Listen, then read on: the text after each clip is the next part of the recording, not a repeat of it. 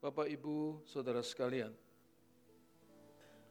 seseorang tidak mungkin bisa menemukan Tuhan dengan benar kalau ia tidak berani melepaskan segala sesuatu. Saya ulangi sekali lagi, seseorang tidak mungkin bisa menemukan Tuhan secara benar dan proporsional kalau ia tidak berani melepaskan segala sesuatu. Tampaknya pernyataan ini seperti berlebihan dan lebay.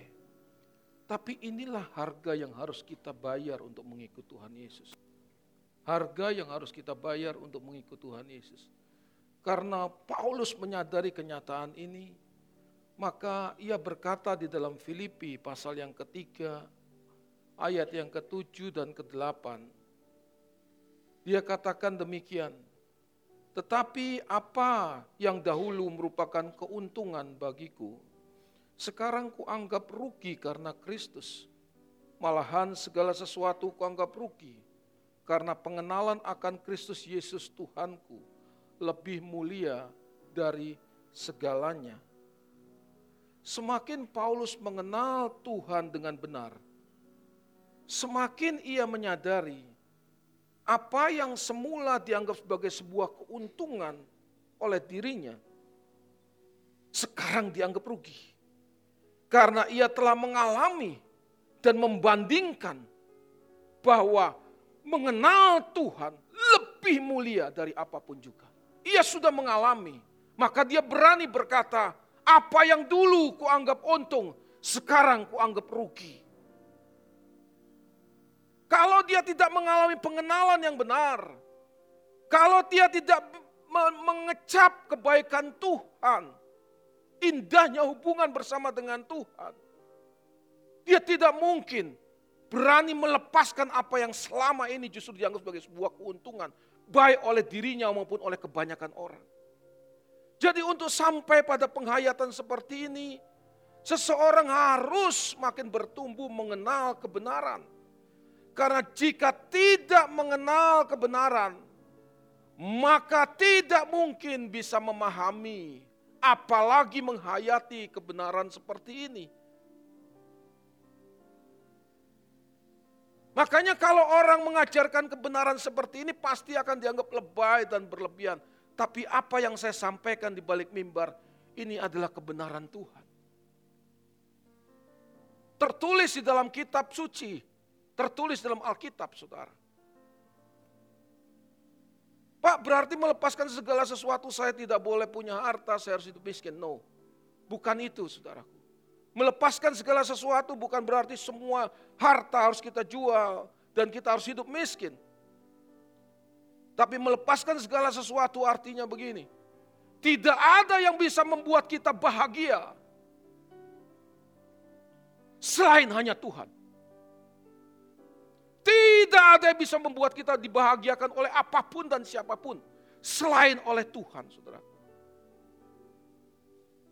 Nah orang-orang yang bertekad membahagiakan hidupnya hanya dengan Tuhan. Atau orang-orang yang bertekad untuk menemukan Tuhan dengan serius. Maka Tuhan mulai membuka lembaran-lembaran untuk supaya dia bisa menikmati dan mengecap indahnya berjalan bersama dengan Tuhan. Sekali lagi, Orang yang bertekad sungguh-sungguh untuk menemukan Tuhan, untuk menjadikan Tuhan sebagai satu-satunya dunia dalam hidupnya. Maka ia akan mulai menikmati indahnya berjalan dengan Tuhan. Nah, ini yang saya mau katakan.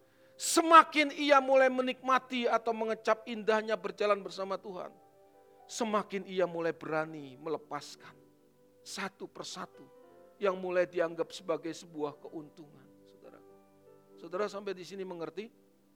Halo? Dia mulai bisa melepaskan satu persatu. Saya memberikan sebuah analogi. Kalau orang kecanduan narkoba,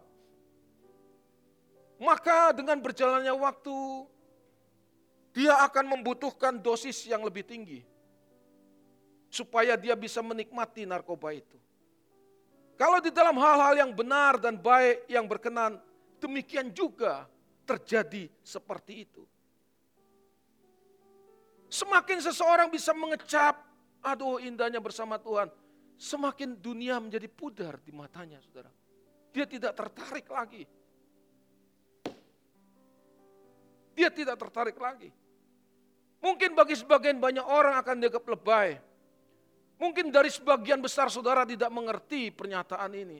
Tapi belajar untuk menghidupinya saudara. Di situ saudara mulai bisa melihat dan mengalami. Serta mengecap bagaimana indahnya. Keputusan saudara itu benar-benar benar saudara. Maka kekristenan itu harus mengambil keputusan, saudara. Sekali lagi saya katakan bagi banyak orang, pernyataan ini pasti dianggap dilebih-lebihkan.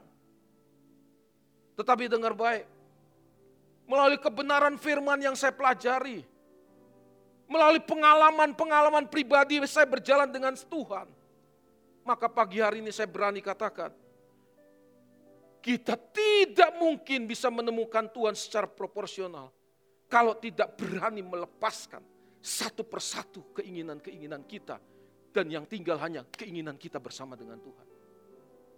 Kita tidak mungkin bisa mengenal Tuhan secara proporsional kalau kita tidak berani melepaskan segala sesuatu. Ketika kita mulai berani melepaskan apa yang kita anggap berharga, saya ulangi sekali lagi, Tuhan mulai izinkan kita untuk mengecap sedikit serpihan surga. Sementara kita masih hidup di dunia ini. Sedikit indahnya serpihan surga. Meskipun kita masih berjalan di dunia ini. Banyak orang tidak sanggup karena hatinya sudah terkontaminasi oleh kesenangan yang dunia ini tawarkan. Maka ikut Tuhan tujuannya supaya bisa mengharapkan dapat dibahagiakan oleh dunia ini. Tapi ikut Tuhan supaya kita bisa menyenangkan hati Tuhan. Orang Kristen yang benar ikut Tuhan hanya supaya Tuhan bisa disenangkan.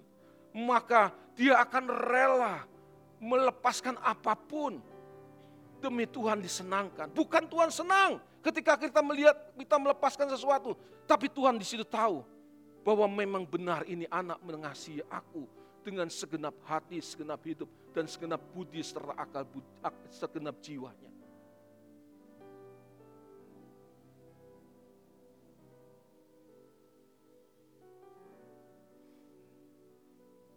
Jadi semakin kita mulai mengecap indahnya bersama dengan berjalan bersama Tuhan, semakin kita mulai berani, saudaraku, lepaskan apa yang paling kita anggap berharga dalam hidup ini.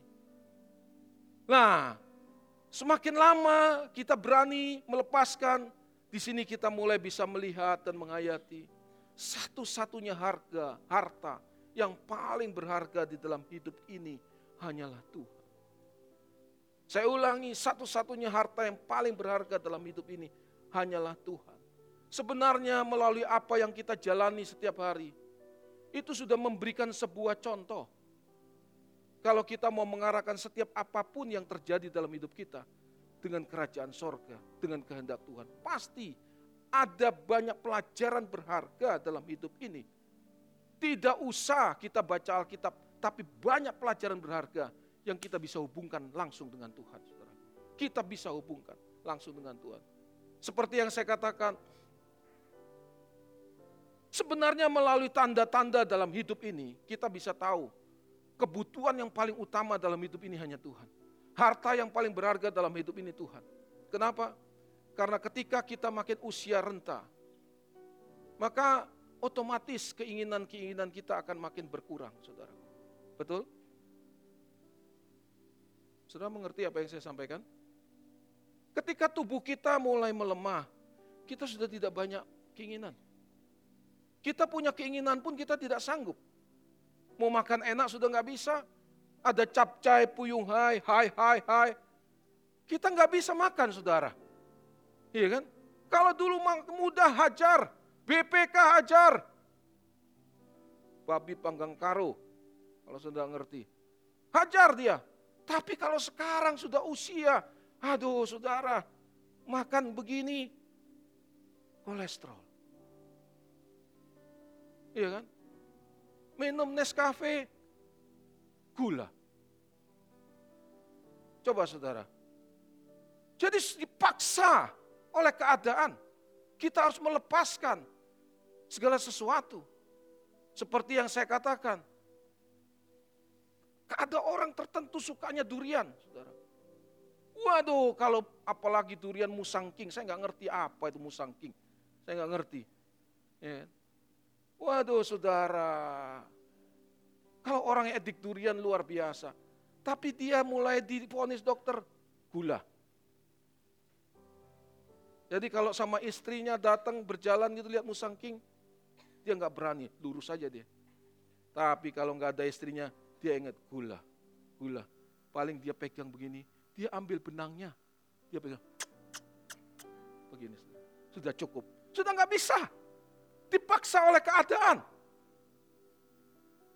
dipaksa oleh keadaan, sampai pada satu titik tertentu, titik akhir dalam hidupnya, orang itu baru menyadari satu-satunya harta yang paling berharga dalam hidupku hanya Tuhan. Satu-satunya yang tersisa dalam hidupku hanya Tuhan karena dia tidak lama lagi akan berhadapan dengan Tuhan. Sebenarnya ini realita ini menjadi sebuah renungan dalam perjalanan hidup kita. Bahwa sebenarnya memang yang dibutuhkan dalam hidup ini tidak ada yang lain. Menjelang kita menutup mata untuk selama-lamanya. Semua orang, dengar baik, semua orang, nggak peduli agama apa, laki, perempuan, kaya, miskin, tua, muda. Ketika menjelang menutup mata, dia akan disadarkan yang diperlukan paling utama dalam hidupnya dan tidak ada yang lain adalah bersama dengan Tuhan di keabadian. Tidak ada yang lain. Makanya semakin bertumbuh dewasa rohani, kita harus bisa menyadari dan menghayati kenyataan ini. Ini adalah realitas. Tetapi meskipun ini adalah realitas yang harus dan akan dihadapi oleh semua orang, Bahkan harus disadari oleh setiap orang Kristen sekalipun. Tapi tidak mudah menyampaikan kebenaran ini. Tidak mudah menyampaikan kebenaran ini.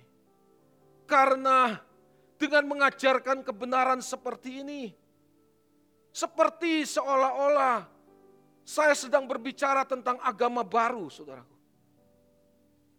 Menciptakan agama baru. Dan dianggap mencari sensasi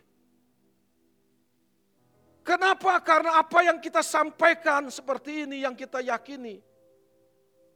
Itu membuat seolah-olah kita sedang keluar dari kehidupan yang umum yang dijalani oleh banyak orang. Kehidupan yang umum yang dijalani oleh banyak orang. Tapi kalau mau jujur, ini realitas yang harus dihadapi oleh semua orang. Semua orang, saudara. Karena di ujung hidupnya, yang tersisa adalah hanya dia dengan Tuhan. Tidak ada yang lain. Tidak ada yang lain. Oleh karena itu sebelum kita ada di ujung hidup ini, seharusnya kita sudah bisa menjadikan Tuhan sebagai satu-satunya harta. Tidak ada yang lain. Satu-satunya harta. Nah, agar kita bisa menjadikan Tuhan sebagai satu-satunya harta yang paling berharga dalam hidup kita, maka kita harus berjuang untuk menyalipkan diri sama seperti Tuhan Yesus 2000 tahun lalu disalibkan. Harus berjuang menyalibkan diri kita. Makanya Paulus berkata di dalam 2 Korintus pasal yang keempat, ayat yang ke-10. 2 Korintus pasal 4 ayat yang ke-10 dikatakan demikian. Kami senantiasa membawa kematian Yesus di dalam tubuh kami. Supaya kehidupan Yesus juga menjadi nyata di dalam tubuh kami. Artinya, kita harus bersedia mengikuti jalan hidup Tuhan Yesus. Sampai ia disalibkan di Golgota. Karena hanya ketika kita bersedia mengikuti jalan hidup Tuhan Yesus, maka kita akan bisa memperoleh kebangkitan bersama dengan Tuhan. Dan ketika kita mengikut memperoleh kebangkitan bersama dengan Tuhan, maka kita akan memperoleh hidup baru bersama dengan Tuhan.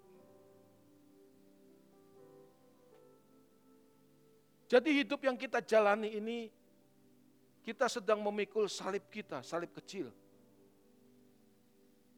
Supaya bisa mengikul salib, kita harus copy paste.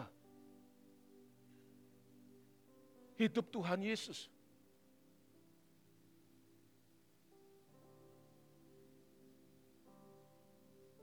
Ketika seseorang bisa mengcopy paste hidup Tuhan Yesus, Alkitab berkata, kami senantiasa membawa kematian Yesus di dalam tubuh kami supaya kehidupan Yesus menjadi nyata. Kopi paste kita bisa bangkit bersama Yesus. Orang yang bangkit bersama dengan Yesus, maka ia bisa memperoleh hidup baru bersama Yesus.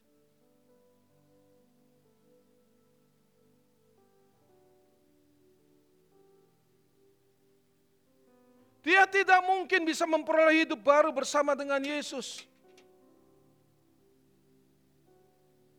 Kalau ia tidak dibangkitkan bersama Yesus. Dia tidak mungkin bisa dibangkitkan bersama Yesus. Kalau ia tidak berusaha mengikuti jejak hidup Tuhan Yesus dengan benar. Saya katakan bahwa apa yang saya sampaikan ini memang berat. Kalau sudah menyinggung, melepaskan segala sesuatu itu berat, saudara. Jujur berat. Kalaupun saya berharap semua orang bisa menerimanya, tetapi pada kenyataannya, jangankan menghidupi, menerima ajaran seperti ini aja tidak sanggup, saudara. Tidak sanggup. Padahal dalam Roma 6 ayat 4, Paulus berkata, dengan demikian kita telah dikuburkan bersama dengan dia oleh baptisan dalam kematian. Baptisan dalam kematian. Supaya sama seperti Kristus telah dibangkitkan dari antara orang mati oleh kemuliaan Bapa, demikian juga kita hidup dalam hidup yang hidup yang baru, saudaraku. Kita tidak mungkin bisa memperoleh kehidupan yang baru bersama dengan Tuhan Yesus. Kalau kita tidak bersedia mati bersama dengan Tuhan Yesus. Dan bukti kesediaan seseorang mati bersama dengan Tuhan Yesus itu dilambangkan dengan dilambangkan dengan baptis, tenggelam, mati, dikubur bersama dengan Tuhan Yesus. Dilambangkan dengan baptisan, keberanian, kerelaan, kemauan seseorang untuk mati bersama dengan Tuhan Yesus. Makanya seharusnya dengar baik, baptisan dilakukan hanya kepada orang-orang yang sungguh-sungguh mau mati dan dikuburkan bersama dengan Tuhan. Masalahnya baptisan hari-hari ini hanya dijadikan sebuah alat formalitas. Kalau sudah umur pas usia 14, 15, 16, ayo baptis. Cukup umur. Kalau mau memberkatan pernikahan belum dibaptis, ayo baptis. Kehilangan maknanya, saudara. Kehilangan maknanya. Kalau tidak bersedia dikuburkan bersama dengan Tuhan dan meninggalkan cara hidup yang lama, seharusnya tidak bisa dibaptis. Tidak bisa dibaptis. Meskipun baptis selam sekalipun. Tapi kalau tidak bersedia di, mati bagi dosa, dan dikuburkan bersama dengan Yesus. Tidak ada gunanya dibaptis. Bahkan dilakukan berkali-kali sekalipun tidak ada bergunanya. Saya punya satu orang teman dari Surabaya. Setiap ada hamba Tuhan yang besar, ini pengkhotbah juga saudara. Setiap ada hamba Tuhan yang besar, dia minta dibaptis. Dia minta dibaptis. Ya siapa tahu terimpartasi dengan kebesaran hamba Tuhan itu. Pure. Sama juga. Puluhan kali dibaptis, saudaraku. Bahkan sering kali ya, kalau seseorang pergi ke Israel, minta dibaptis di sungai Yordan. Datang lima kali, lima kali dibaptis. Padahal di situ ada kuda yang buang air di situ. Dia mau dibaptis. Dia pikir lebih sakral kalau dibaptis di sungai Yordan. Makanya saya selalu kalau ke sana, saya tidak mau dibaptis. Tidak mau. Tidak ada gunanya.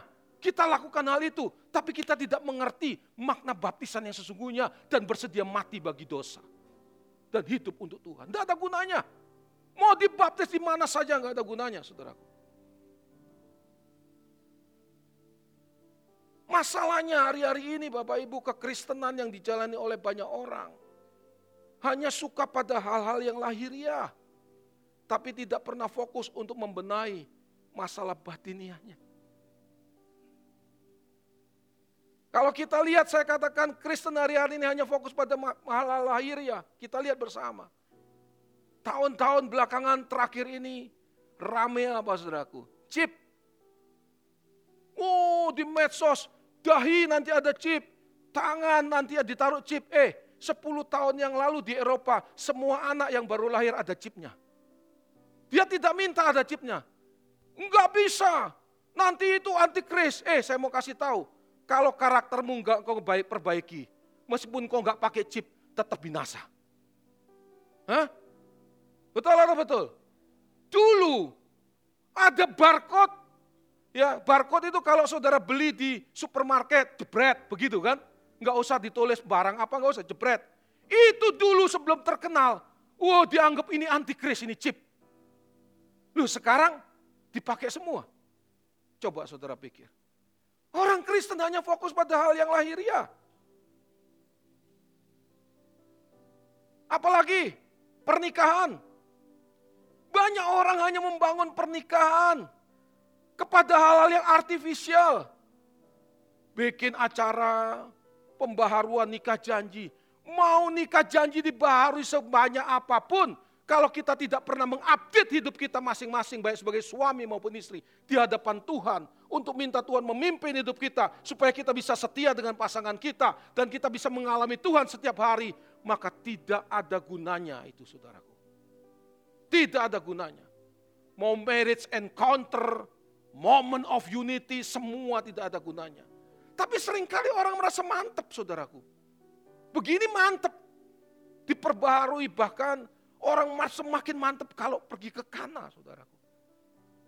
Ke Kana di doa. 10 tahun usia pernikahan saya, saya juga lakukan itu, saudaraku. Karena pas waktu itu ada di Kana, saudaraku. Pas, pas. Tapi saya pikir-pikir bodohnya juga. Orang itu hanya hal yang emosi sesaat. Emosi sesaat, saudara. Betul? Carinya hal-hal yang lahiriah. Karena apa saudara? Tidak mau bayar harganya. Halo? Ikut Tuhan gak mau bayar harganya. Wah yuk kita muliakan Tuhan. Muliakan Tuhan di tempat ini. Dianggap memuliakan Tuhan dengan apa? Pujian penyembahan. Oh haleluya, haleluya begitu saudaraku. Sudah selesai. Padahal memuliakan Tuhan. Seluruh hidup yang kita jalani. Kita harus tunjukkan penghormatan dan kasih kita kepada junjungan kita Tuhan Yesus Kristus. Berikan kemuliaan yang buat Tuhan. Itu artinya memuliakan Tuhan. Kita tunjukkan kekaguman kita kepada Tuhan. Makanya kita ada di sini, kita mau belajar kebenaran. Supaya kita bisa memiliki fokus hanya kepada hal-hal yang batin ya, bukan hal-hal yang lahir ya. Mau lagi? Mau lagi contoh? Mau, satu lagi. Perjamuan kudus. Perjamuan kudus sering kali dilakukan tanpa pengertian yang benar. Makanya perjamuan kudus jadi klinik. Dan dipakai untuk memperoleh kesembuhan. Meskipun motivasinya salah. Tapi hebatnya Tuhan kita tetap terjadi kesembuhan saudaraku. Tapi sebenarnya makna perjamuan kudus yang diajarkan oleh Alkitab adalah ketika kita makan daging Tuhan, minum darah Tuhan, kita menjadi satu dengan Tuhan. Dalam apa? Penderitaannya. Oleh karena tubuh kita tidak boleh kita pakai lagi untuk hidup dalam dosa. Jadi kematian Tuhan menunjuk kepasrahan, kesediaan Tuhan yang tulus untuk menerima segala penderitaan demi bisa menunaikan tugas yang Bapak berikan. Saya ulangi sekali lagi, kematian Yesus itu berbicara tentang kepasrahan dan kesediaan Tuhan yang tulus untuk menerima segala penderitaan demi menyelesaikan apa yang Bapak berikan. Waduh saudara, ada orang perjamuan kudus karena lagi live streaming, dia kejebak macet saudara. kejebak macet di jalan. Tapi dia sangunya roti perjamuan dengan anggur perjamuan. Sudah dibawa dari rumah, saudara. Nah sering kali roti perjam, anggur perjamuan dibuat untuk apa, saudaraku? Jual beli. Ya kan? Dijual banyak begitu kan. Nah, dia bawa. Eh, dia lihat jam. Oh, ini saatnya. Dia lihat HP-nya. Oh, sudah live streaming. Lampu merah dia berdiri angkat cawan perjamuan. Coba saudara pikir, lampu merah, dia angkat cawan perjamuan demi live streaming.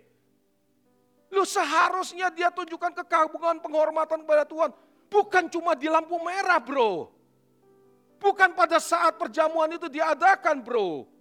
Tapi setiap saat dalam setiap keadaan kita menunjukkan kekaguman kita kepada Tuhan dan penghormatan kita kepada Tuhan.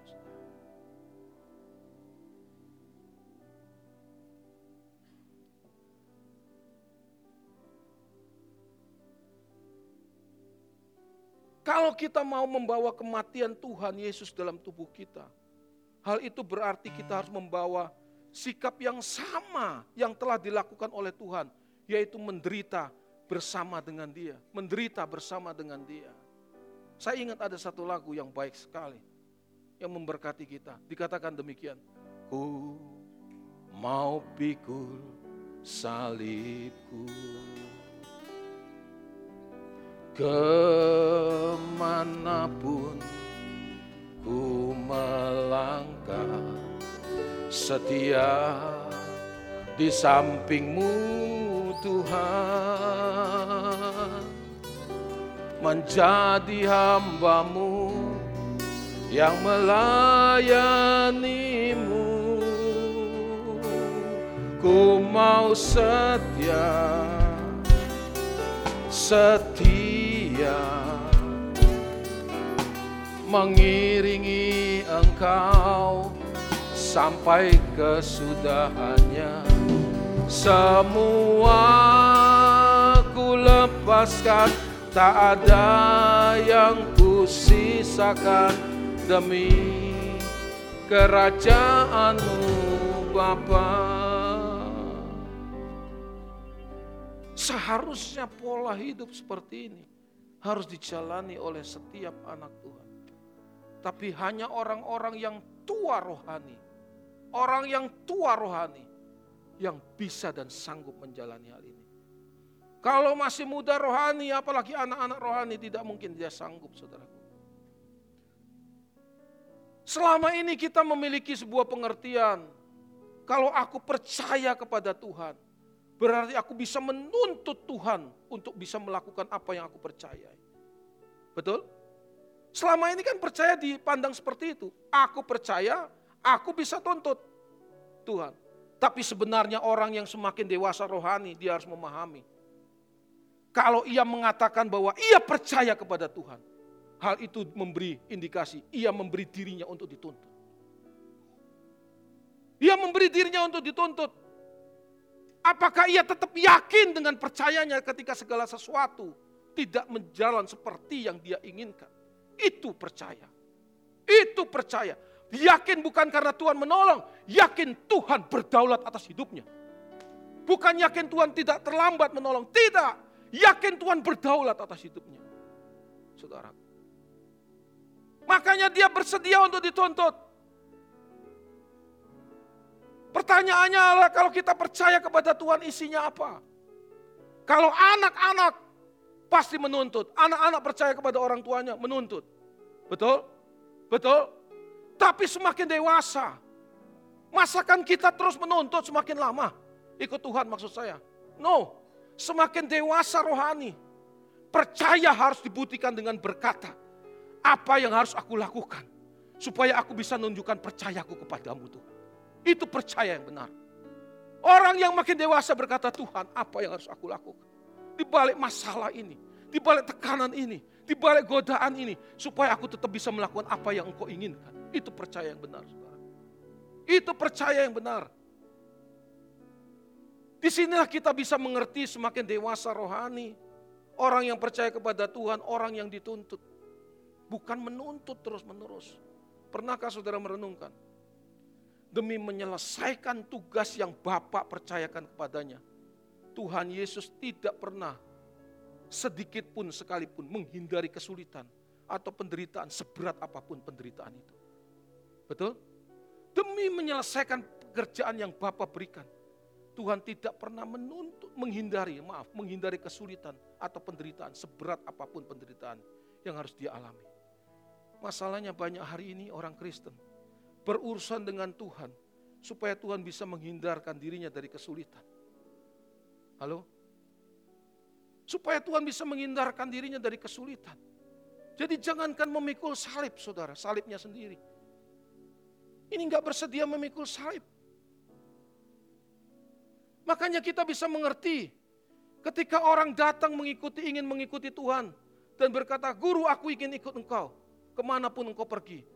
Tuhan berkata, serigala punya liang, burung punya sarang, anak manusia tidak punya tempat untuk meletakkan kepalanya. Intinya Tuhan ingin memberi pesan kepada orang itu. Kalau kamu mau ikut aku, aku tidak menjamin hidupmu nyaman di bumi ini. Tetapi aku menjamin, di mana aku ada, di situ engkau pasti ada. Itu jaminan yang lebih luar biasa. Kita tidak pernah bisa melihat jaminan itu. Luar biasanya jaminan itu. Karena kita selalu menghubungkan ikut dengan Tuhan dengan hal-hal materi. Dengan hal materi. Kita nggak bisa lihat mulia dan berharganya. Apa yang Tuhan katakan kepada orang yang mau mengikuti. Serigala punya liang, burung punya sarang, anak manusia tidak punya tempat untuk meletakkan kepalanya.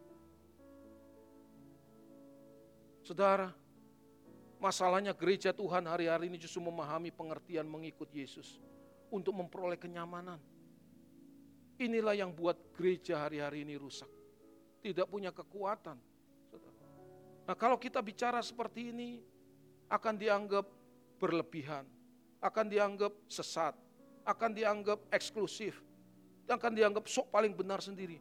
Memang kita benar. Karena kita mau rela membayar berapapun harganya, saudara. Halo?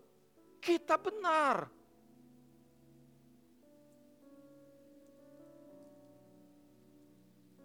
Makanya gereja ini ada hanya untuk mengembalikan dan menghidupi ajaran yang telah Tuhan ajarkan. Apa pun resikonya. Maka saya harus lebih dahulu. Saya harus lebih dahulu di depan. Saya kira orang-orang yang bersama dengan saya, yang pernah, yang sering bertemu dan saya bicara, kejadian demi kejadian saya sampaikan, keputusan-keputusan saya mereka mengerti. Ya, harus ada keteladanan.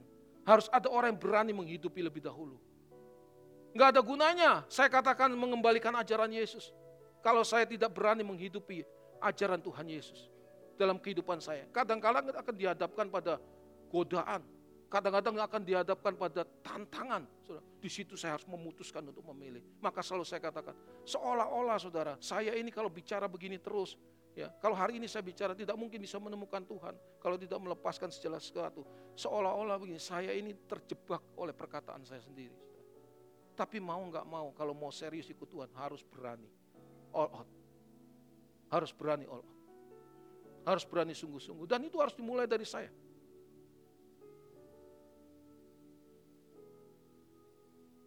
Jadi kalau Kristen dewasa, tidak akan menuntut apa pun dalam mengikuti Tuhan.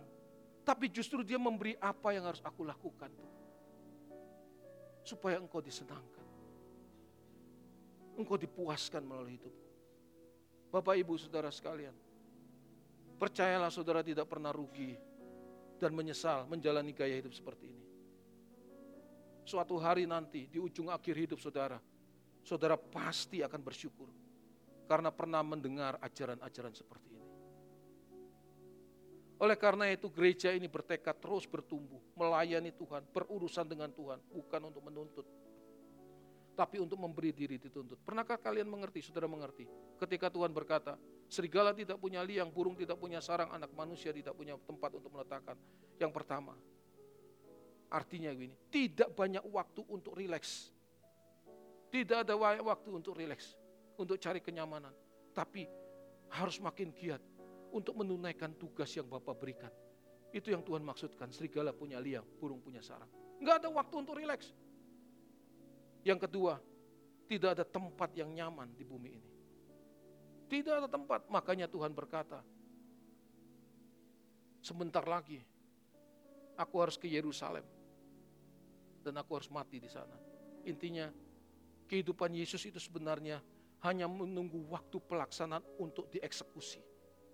Sebentar lagi aku ke Yerusalem, mati di sana. Hidup yang dijalani oleh Yesus hanya untuk menanti eksekusi. Makanya Paulus juga menyadari, dia berkata, penjara dan sengsara menunggu aku. Sesungguhnya ini kehidupan Kristen yang benar. Inilah motivasi hidup untuk ikut Tuhan. Tapi saya tahu, saya sadar, tidak banyak orang yang bersedia dan sanggup menjalaninya. Makanya ketika Tuhan Yesus berkata, darahku benar-benar minuman, dagingku benar-benar makanan. Sejak hari itu, banyak dari murid-muridnya Alkitab berkata, mengundurkan diri. Mereka berpikir bagaimana benar-benar dagingnya dibuat makanan, darahnya dibuat minuman. Padahal maksud Tuhan adalah kamu harus kenakan gairahku. Karena hanya ketika kamu mengenakan gairahku, kamu bisa menjalani hidup seperti yang aku jalani. Hanya ketika engkau menjalani hidup seperti yang aku, engkau jala, aku jalani, engkau bisa meraih kemenangan seperti yang aku raih. Itu yang dimaksud oleh Tuhan, makan, da, makan daging dan minum darah. Tapi murid-murid sejak hari itu banyak yang meninggalkan Tuhan. Karena mereka tidak sanggup menerima kenyataan ini. Alkitab berkata Yohanes 6 ayat 66, sejak saat itu murid-murid banyak meninggalkan Tuhan. Maka setelah itu Tuhan berkata kepada orang-orang yang masih bertahan, kepada 12 muridnya, apakah kamu tidak mau pergi juga? Petrus berkata, Tuhan, pada siapa kami harus pergi? Perkataanmu adalah perkataan yang hidup dan kekal. Maka saya harus jujur berkata, saya ulang lagi. Apa yang saya sampaikan hari ini berat. Tidak banyak orang yang siap menerima kebenaran ini. Makanya saya juga harus siap kalau ada orang yang tidak siap. Saya harus siap kalau ada orang yang tidak siap. Tapi yang mau bertekad mengakhiri hidup dengan manis akan tetap bertahan dan terus berjuang bersama saya di tempat ini untuk menyelesaikan pertandingan dengan baik dengan baik. Ada beberapa orang yang melekat di dalam hati saya. Yang saya benar-benar cintai. Dan saya cuma ingin orang-orang ini dan juga saudara sekalian yang ada tempat ini memiliki tekad yang sama seperti yang saya miliki. Supaya kita bisa hidup bersama-sama untuk selama-lamanya. Karena saya sudah terlanjur untuk mengasihi saudara. Kita sudah terlanjur untuk mengasihi saudara. Maka kita harus akhiri jalan hidup kita, saudara. Akhiri. Karena cepat atau lambat suatu hari jalan hidup kita juga akan berakhir. Ku akhiri jalan jalan demi iring ku hidup untuk salah rencanamu Tuhan rencanamu Tuhan. Ya Tuhan aku percaya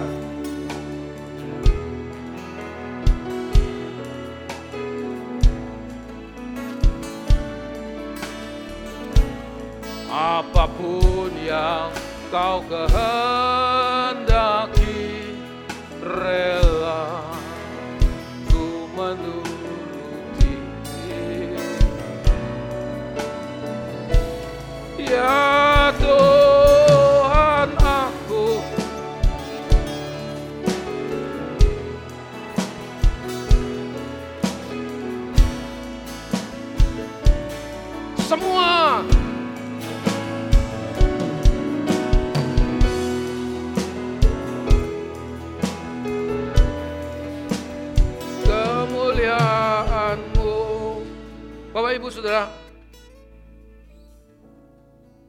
kita harus berani untuk ikut Tuhan. Lepaskan apa yang menjadi kesenangan kita. Kita tidak pernah rugi. Kita tidak pernah rugi. Suatu hari kita akan bersyukur. Karena kita bisa menerima kenyataan kebenaran seperti ini. Paulus berkata di dalam 2 Korintus pasal yang keempat ayat yang ke-8. Dalam segala hal kami ditindas, tidak terjepit. Kami habis akal namun tidak putus asa. Kami dianiaya namun tidak ditinggalkan sendirian. Kami dihempaskan namun tidak binasa. Kami senantiasa membawa kematian Yesus dalam tubuh kami. Supaya kehidupan Yesus menjadi nyata dalam tubuh kami. Ingat bait yang terakhir. Kami senantiasa membawa kematian Yesus dalam tubuh kami. Supaya kehidupan Yesus menjadi nyata dalam tubuh kami. Dari pernyataan Paulus kita yang mengatakan kami senantiasa membawa kematian Yesus dalam tubuh kami kita dapat memperoleh pelajaran yang sangat berharga, yaitu seseorang tidak akan pernah mengalami kehidupan Yesus yang nyata dalam hidupnya sebelum ia menerima dengan segala kepasrahan semua penderitaan yang harus dialami demi kepentingan Tuhan. Demi kepentingan Tuhan. Jadi menderita itu adalah perjalanan hidup orang Kristen yang serius dan sungguh-sungguh dengan Tuhan. Kenapa? Mari perhatikan. Ketika engkau punya kesempatan untuk berbuat dosa, dan engkau mengatakan aku serius mau hidup dengan Tuhan, untuk Tuhan, maka engkau harus memilih untuk tidak mengikuti keinginan dosa itu. Apa yang terjadi? Engkau seperti menyembelih dirimu sendiri. Hah? Itu sakit luar biasa. Sakit luar biasa. Engkau memutuskan untuk memilih tidak berbuat dosa itu sakit. Hmm? Pernahkah saudara diperhadapkan oleh keinginan berbuat dosa? Dan kalian memutuskan, saudara memutuskan untuk tidak mengikuti keinginan itu. Itu sakit. Ketika engkau punya kesempatan untuk membalas, tapi engkau tidak membalas, itu sakit saudaraku. Ketika engkau punya kesempatan untuk memperoleh keuntungan bagi dirimu sendiri.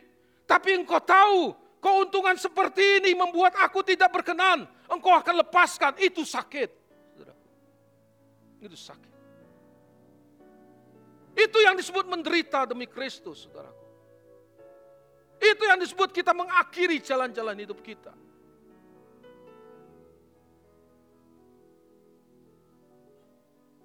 Ya Tuhan aku percaya.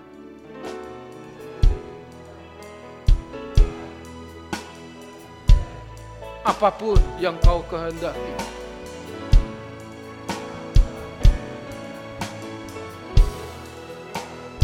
Rela ku menuruti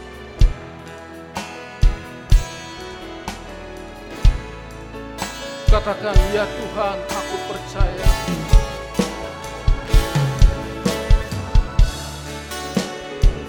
Ya Tuhan,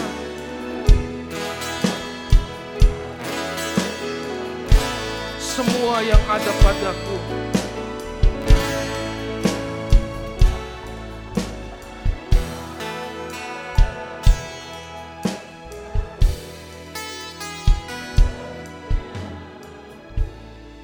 Jadi saudara, kalau kita katakan semua yang ada padaku, bagi kemuliaanmu harus kita buktikan.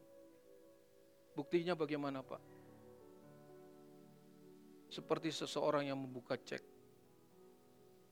Di cek itu dia harus tanda tangan. Dia buka cek itu. Dia serahkan kepada Tuhan. Engkau yang isi cek ini. Engkau yang paling tahu kekuatanku untuk membayar, engkau isi. Itu artinya semua yang ada padaku bagi kemuliaan. Kita tidak mungkin berani buka cek kepada seseorang kalau kepada siapa pun juga kalau kita kosongkan dan kemudian kita tanda tangan. Kecuali kalau memang nggak ada saldonya, saudara. Kalau nggak ada saldonya ya nggak bisa ngomong. Gitu. Tapi kalau kita punya saldo banyak, kita buka cek. Harus ada isinya. Tapi kepada Tuhan tidak ada isinya. Aku yang tanda tangan. Tuhan yang isi. Ini hidup bagi kemuliaan Tuhan. Tidak ragu akan pemeliharaan Tuhan. Jadi jangankan menghadapi masalah kemudian kita harap pertolongan bukan. Tidak ragu sedikit pun. Tidak ragu dengan Tuhan sedikit pun. Tidak ada masalah pun. Kita menyerahkan hidup kita, kita tidak ragu saudara. kita tidak ragu dengan Tuhan. Kita harus sampai pada titik itu dalam perjalanan kerohanian kita.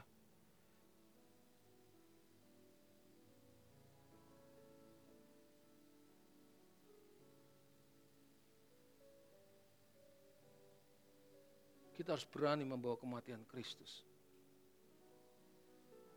Supaya kita bisa dibangkitkan bersama dengan Kristus. Dan kita memperoleh hidup baru bersama dengan Kristus. Semakin banyak orang yang mau mengenakan hidup yang pernah dikenakan oleh Tuhan Yesus, maka semakin banyak dilahirkan orang-orang Kristen yang hebat, anak-anak Tuhan yang hebat, hamba Tuhan, hamba Tuhan yang hebat. Dan satu hal yang saudara harus mengerti, kalau kita mau serius, sungguh-sungguh mengkloning hidup Tuhan Yesus, kita tidak mudah jatuh dalam dosa. Kita tidak mudah jatuh dalam dosa. Kita bisa jatuh dalam dosa, tapi kita tidak mudah jatuh dalam dosa. Percayalah. Itu hal yang luar biasa. Inilah yang dimaksud dengan menderita bersama Kristus. Karena dengan mematik membawa kematian Yesus dalam tubuh kita, kehidupan Yesus menjadi nyata dalam hidup kita. Jujur saudara, saya pun masih meleset. Saya pun masih meleset, tapi saya tahu ini kebenaran. Ini tidak bisa ditawar. Kalau saat ini saya khotbah dengan semangat, waktu saya berdoa tengah malam saya berlutut dengan semangat. Tapi ketika saya harus menjalani hidup, saya harus jujur saya bisa lupa. Saya bisa tidak stabil. Tapi melewati perenungan demi perenungan seperti ini, kebenaran-kebenaran yang saya ajarkan kepada saudara, maka saya dikekang oleh kebenaran itu sendiri. Makanya saya katakan kebenaran itu selalu mengejar hidup kita. Kebenaran mengejar hidup kita. Kebenaran mengejar. Sampai kita benar-benar bisa stabil dan berani membayar berapapun harga dalam mengikut Tuhan Yesus. Stabil. Makanya saya juga ajak saudara berjuang bersama dengan saya. Dan kita minta kekuatan Tuhan untuk kita bisa menyelesaikan pertandingan kita dengan baik. Kekristenan yang benar itu mengenakan hidup Tuhan Yesus. Kalau mengenakan hidup Tuhan Yesus itu artinya kita juga membawa kematian Tuhan Yesus bersama dengan hidup kita. Ya. Mengikuti jejak hidup Tuhan Yesus itu sama juga membawa kematian Yesus dalam hidup kita. Sebagaimana kepasrahan Yesus pada kehendak Bapa untuk melakukan apa saja yang Bapa kehendaki. Demikian juga kita harus lakukan hal yang sama. Mungkin saudara bertanya, apakah Bapak melakukannya? Saya tidak perlu membuktikan kepada saudara. Saya tidak perlu membuktikan. Tapi saya berkata, orang yang hidup 24 jam bersama saya, dia tahu. Dia tahu. Orang yang bersama-sama saya bisa melihat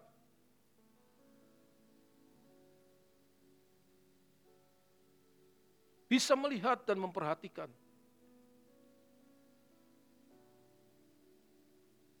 Kalau kita melihat kemuliaan yang suatu hari kita akan lihat, saudara, kita akan rela lepaskan apa pun.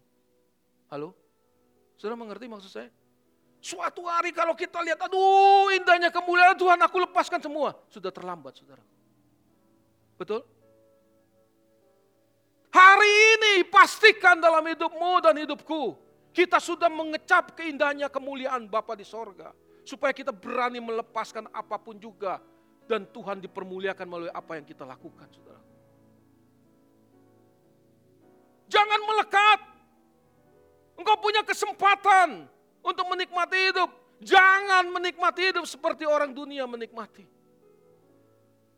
Engkau nggak punya kesempatan, jangan berusaha untuk menikmati, untuk mengusahakan dirimu bisa menikmati. Jalani hidupmu aja hari-hari ini sebagaimana yang Tuhan inginkan. Sama seperti Yesus berjalan menyelesaikan tugas yang Bapa berikan. Rela buat apa saja demi menyelesaikan tugas yang Bapak berikan. Demikian juga dengan kita. Jadi membawa kematian Tuhan itu menuju sebuah proses perjalanan iman, saudara. Tidak bisa langsung proses. Tapi kita harus tahu kalau kita ikut Tuhan itu harus dari Nasaret sampai Golgota. Bukan cuma ketika Tuhan bisa membuat mujizat maka kita senang ikut Tuhan. Tapi ketika Tuhan ada di Golgota pun kita mau mengiring Tuhan. Kita mau mengikut jalan Via Dolorosa Tuhan Yesus sampai ke Golgota. Ini yang selama ini tidak mau diikuti oleh banyak orang. Makanya kita harus terus mengupdate hidup kita. Terus menerus mengupdate hidup kita di hadapan Tuhan, saudaraku.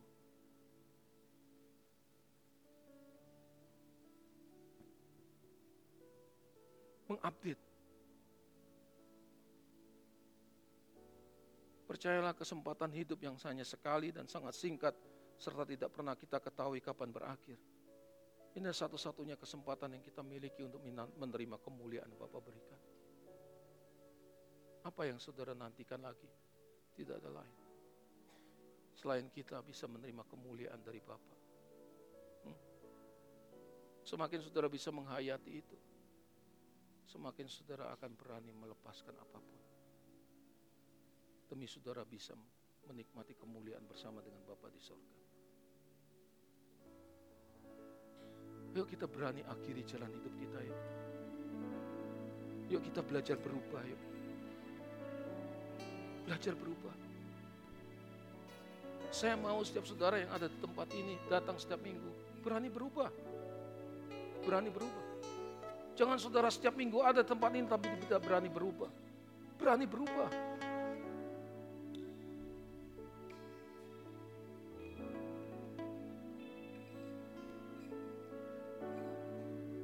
Akhiri jalan-jalan. Yuk kita bangkit berdiri.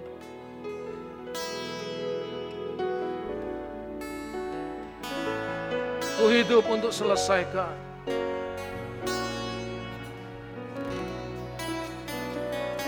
rencanamu Bapak.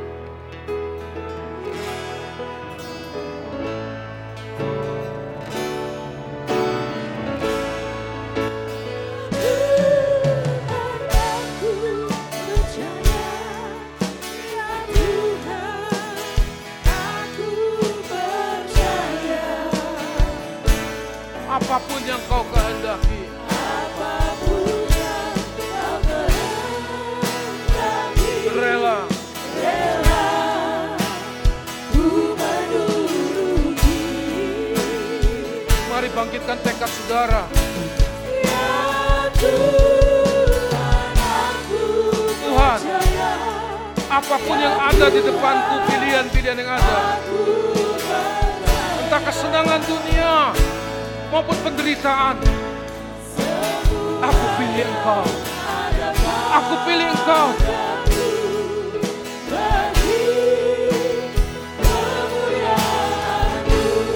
Katakan ya Tuhan. Ya. Ya percaya. Mari hayati saudara apa yang kau sampaikan di hadapan Tuhan pada siang hari ini.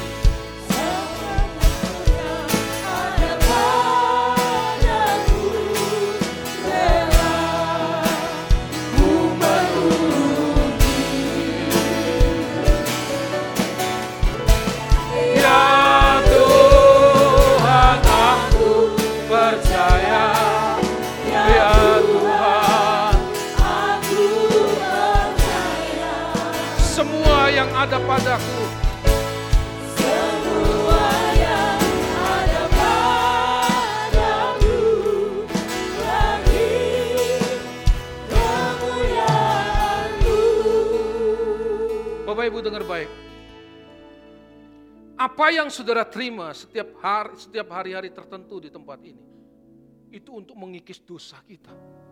Yang sudah melekat terlalu kuat, saudara. Melekat.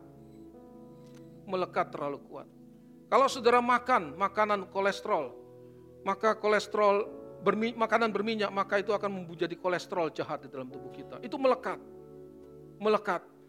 Kalau saudara terikat oleh dosa-dosa tertentu itu melekat. Melekat. Dan itu tidak bisa dibongkar hanya dengan kekuatan yang rendah. Kalau kotoran itu sudah melekat kuat, satu-satunya cara untuk membongkarnya, dia harus dengan kekuatan sekian bar untuk disemprot, supaya kotoran itu bisa di flash, bersih. Maka tugas saya sebagai hamba Tuhan di tempat ini. Saya lebih dahulu hidupi kebenaran. Saya serius dengan Tuhan. Yang kedua, saya menantang kalian untuk serius. Saya menantang kalian untuk bertobat, berubah sebelum waktunya tiba dan terlambat. Hanya engkau dan Tuhan yang paling tahu kelemahanmu. Selesaikan segera. Selesaikan segera.